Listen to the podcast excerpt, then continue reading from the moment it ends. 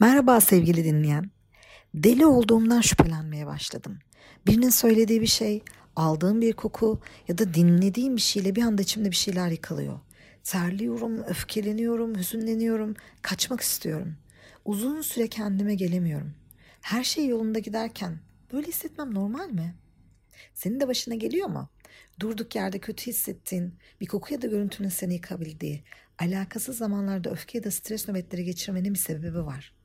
Ben ben gibi değilim, kayboldum. Ben ne yaşıyorum, neden yaşıyorum diyorsan sana anlatacaklarım var. Hadi konuşalım. Bir an bir şey oluyor ve sen aşırı rahatsız hissediyorsun. Rüzgarın getirdiği koku, taksinin geçerken bıraktığı melodi, birinin yaptığı şaka ya da elinde balonla geçen bir seyyar satıcı. Bir anda bayılacak gibi oluyorsun ya da aşırı stres yükleniyorsun ama anlam veremiyorsun. Aklım dursun, herkes sussun, bir dakika diyorsun ona. Bu neden oluyor? Kafanda yıkılması gereken binalar var.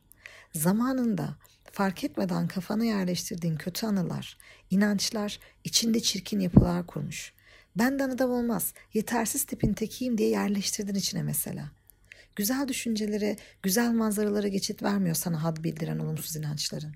Sen de normal hayatın seyrinde gibi ilerliyorum sanıyorsun. Oysa misyonunu tamamlamış, küflenmiş, yosun tutmuş, her tarafından pas akıyor binalarının. Ama sen onların farkında bile değilsin. Onları ne ara inşa ettin? Yıkılmaları gerekir mi? Nasıl olur? Bunu bilecek durumda bile değilsin. Biri ya da bir şey hatırlatıcı olup sana bunu gösterecek bir sallantıyla geldiğinde içinde oluşan artçı depremler sana kaçak ve çürük binaları hatırlatacak sinyaller yolluyor. Öğretmenin sen küçükken çayını bir yandan karıştırıp beceriksizsin, kafasızsın, ne köy olur senden ne de kasaba diye azarladıysa karşında biri çayını karıştırdığı esnada saldırmak istiyorsun ona. Ama içinde ne olup bittiğini bilmediğinden Allah'ım aklıma mukayyet ol delirdim mi nedir diye mırıldanıyorsun. Aklın zaten bunun gibi pek çok şeyle işgal edilmiş. Çocukluğunda gelip en güzel tepelerine gece kondu gibi dikilmiş olumsuz düşünce ve inançlar. E bir de bilgi kirliliği çağındasın. Durmaksızın çalışan zihnine düşünceler, fikirler, bilgiler saldırıp duruyor. O inançların üzerine kimini hazmettiğin, kimini ise acilen bünyene katma telaşıyla direkt aldığın bir sürü şey kafanın içinde yer açmaya çalışıyor kendine. Hayallerin senin en güzel manzaraların aslında. Olumsuz düşünce ve inançlar, zihnine saldıran bilgiler ve yaşantılar, kötü müteahhit yapısı çürük binalar olarak dikiliyor manzaraların önüne. Yapamazsın, göremezsin diyor hayalleri, düşünemezsin. Bir kör noktan var. Zihninde baskı oluşturan bir şey var ama hatırlatacak bir şey olmadıkça sen bunu göremiyorsun. Belki hissediyorsun. Orada da nedenini anlamıyorsun.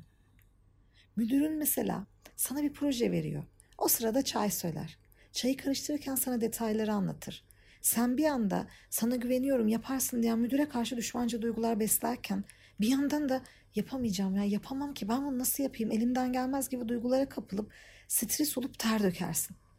Odadan çıkınca da adama durduk yere düşman oldum ya adam sana güveniyorum falan diyordu. En iyi bildiğim konuyu niye yapamayayım yahu diye kendini sarsmak isterken durumun nereden kaynaklandığını bilemezsin. Yardım alıp dönüş hazır olmadıkça da çocukluğundaki öğretmenin sende bıraktığı tahribatı göremezsin. Geçtat kuramı der ki bütün parçaların toplamından farklı bir şeydir. Çünkü içinde ayrı ayrı anlamı olan parçalar bir araya geldiklerinde bir resim, bir ekip, bir şekil oluşturduğunda bambaşka bir görüntü ve anlam kazanır. Hani yemek yapmak gibi düşün. Tıpkı yemeğin toplamdaki tadının tek tek malzemelerin tadından farklı olması gibi. Yemeğe konan her şey kendi tadının yemeğe süzülmesine izin verir. Senin okul yaşantın boyunca neler yaşadığını ve neler hissettiğini bir düşün. Bu senin okula ve eğitime bakış açını belirler. Eğer el bebek gül bebek özel hocalarla okuyup servisle okula giden ve yemekhane imkanı olan bir çocuksan okul hayatı kolay, sınavlar çocuk oyuncağıdır. Ağır kış şartlarında her gün 20 kilometre yolu yürüyerek okuya, okula giden ve yiyeceğini yanında taşıyan bir köy çocuğu düşün şimdi. Onun o zorlu hayatını. O köy çocuğu ve sana eğitim hayatını hatırlatacak bir şey olduğunda aynı anda ikinizin zihninde bambaşka anılar, tatlar, kokular, görüntüler canlanır.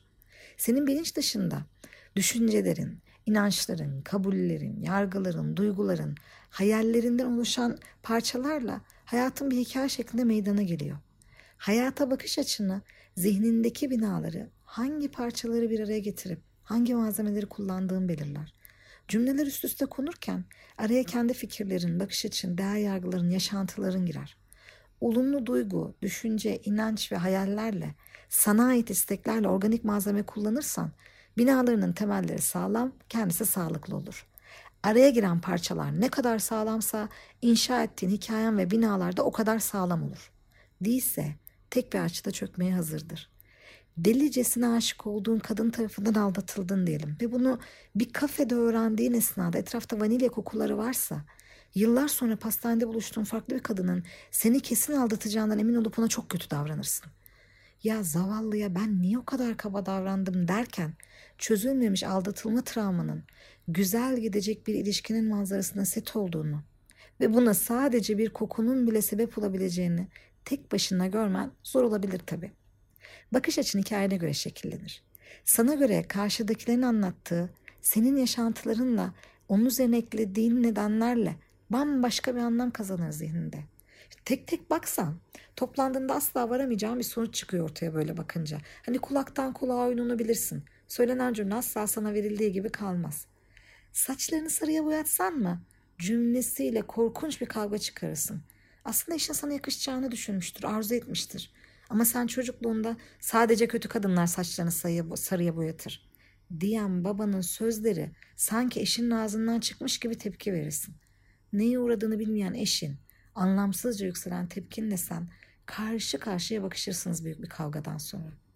Kişinin anlattığıyla senin duyduğun bambaşka olursa insanlarla anlaşamaz olur. Güzel hayat fırsatlarını kaçırırsın. Nasıl mı?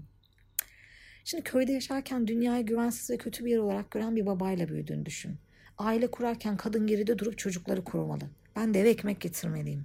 Onları o güvensiz dünyadan dışarı, dışarıda, evde, güvende tutmalıyım. Okumasalar da olur diyen bir babayla büyüdüğünü, okumak için büyük savaşlar verdiğini düşün. Senin için aile kavramının çatısı bu. Köy ise acı dolu bir yer. Sonra birinden çok hoşlanırsın. Doğru bir aday olduğuna inanırsın. Günlerce uğraşır onu tava getirirsin, buluşursun. Her şey keyifle giderken karşıdaki sana çocukluğunun geçtiği köyü anlatmaya başlar. Ne güzel günler geçirmiştir. Ailesiyle harika zamanlardır. Doğa çok güzeldir, hayvanlar güzeldir, okuluna gidip gelmiştir. O günleri nasıl özlemiştir. Bunun seni sinirlendirmeye başladığını fark edersin. Durduk yerde. Ve karşındaki artık sana oldukça samimiyetten uzak, uygunsuz bir aday olarak görünür. Hayır merak etme delirmedin. Sadece anlattıkları senin gerçekliğinden fersah fersah uzakta. Senin gerçekliğinde köy yaşantısı, acı ve okumakla ilgili savaşlarla dolu. Ayrıca hiç de güzel bir yer değil. Ama onun cümleleri senin süzgecinden geçince ulaştığı anlamla aykırı geliyor sana. Bu yüzden karşındakini oldukça samimiyetsiz hatta yalancı görmeye başladın. Zihninde birikmiş çürük düşünceler belki de harika gidecek bir ilişkiyi tam olarak o an noktaladı kurmaya çalıştığın çatı çöktü. Farkında mısın? Peki zihninde bozuk yapılaşmaya neden olan tek şey bu mudur? Bir de içe alma kavramı vardır. Duyduğun, gördüğün şeyleri olduğu gibi almazsın.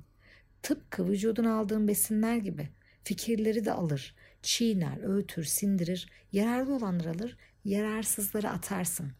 Biri çok yavaşsın, senden adam olmaz dediğinde olduğu gibi alırsan ileride adam olmakla ilgili denemekten vazgeçebilirsin.